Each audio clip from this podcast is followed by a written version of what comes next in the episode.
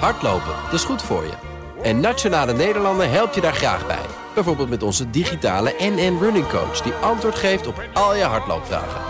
Dus, kom ook in beweging. Onze support heb je. Kijk op nn.nl slash hardlopen. De column van Bernard Hammelburg. Met de top tussen Kim en Trump is iets raars aan de hand. Eerst geloofde niemand erin, toen zei iedereen... Als het Trump lukt is het geweldig. En nu het is gelukt, hoor je van alle kanten zuinige commentaren. Alsof hij het tafelzilver heeft verkocht. Als je praat over winnen of verliezen, dan heeft in elk geval schijnbaar Kim goud. Hij werd volledig als gelijke behandeld, haalde van Trump de belofte binnen dat de Amerikaanse Zuid-Koreaanse militaire oefeningen zijn opgeschort en gaf niets concreets weg over zijn nucleaire en raketprogramma. Maar die redenering is erg kort door de bocht. Trumps persconferentie, 1 uur en 5 minuten, mag dan rammelend, onduidelijk en in hoge mate zelfpromotie zijn geweest. Eén ding was duidelijk: hij hoopt op meer topconferenties en op succesvolle onderhandelingen door diplomaten.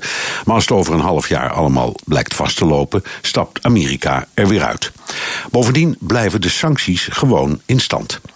Dat de Amerikanen de schijn wekten Kim als volledige gelijke te behandelen, was heel slim. Ze weten dat erkenning als, om het even simpel te houden, echt land voor Kim misschien wel het allerbelangrijkste is. Ze weten ook dat Kim aan zijn eigen volk een lastige boodschap moet gaan verkopen. Ontmanteling of buitenwerkingstelling van zijn kroonjuweel, het nucleaire programma. Door het allemaal zo te spelen geven ze Kim een steuntje in de rug.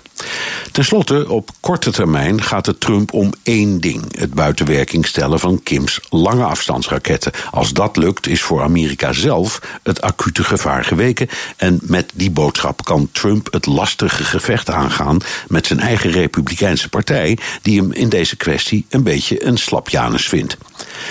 Critici beschuldigen Trump ook van het negeren van het mensenrechtendrama in Noord-Korea. Het gaat daar inderdaad barbaars aan toe, met concentratiekampen, massamoord en slavernij. Maar toen Richard Nixon in 1972 de relatie met China herstelde, een van de belangrijkste momenten uit de moderne geschiedenis, hoorde je niemand over de culturele revolutie die toen woedde. Nixon keuvelde in Beijing ontspannen met Mao Zedong, moordenaar van miljoenen Chinezen.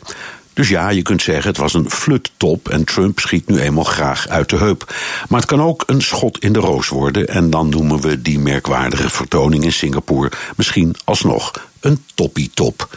En tenslotte, als het niet Trump maar Obama was geweest, zouden de reacties dan ook zo zuur zijn geweest?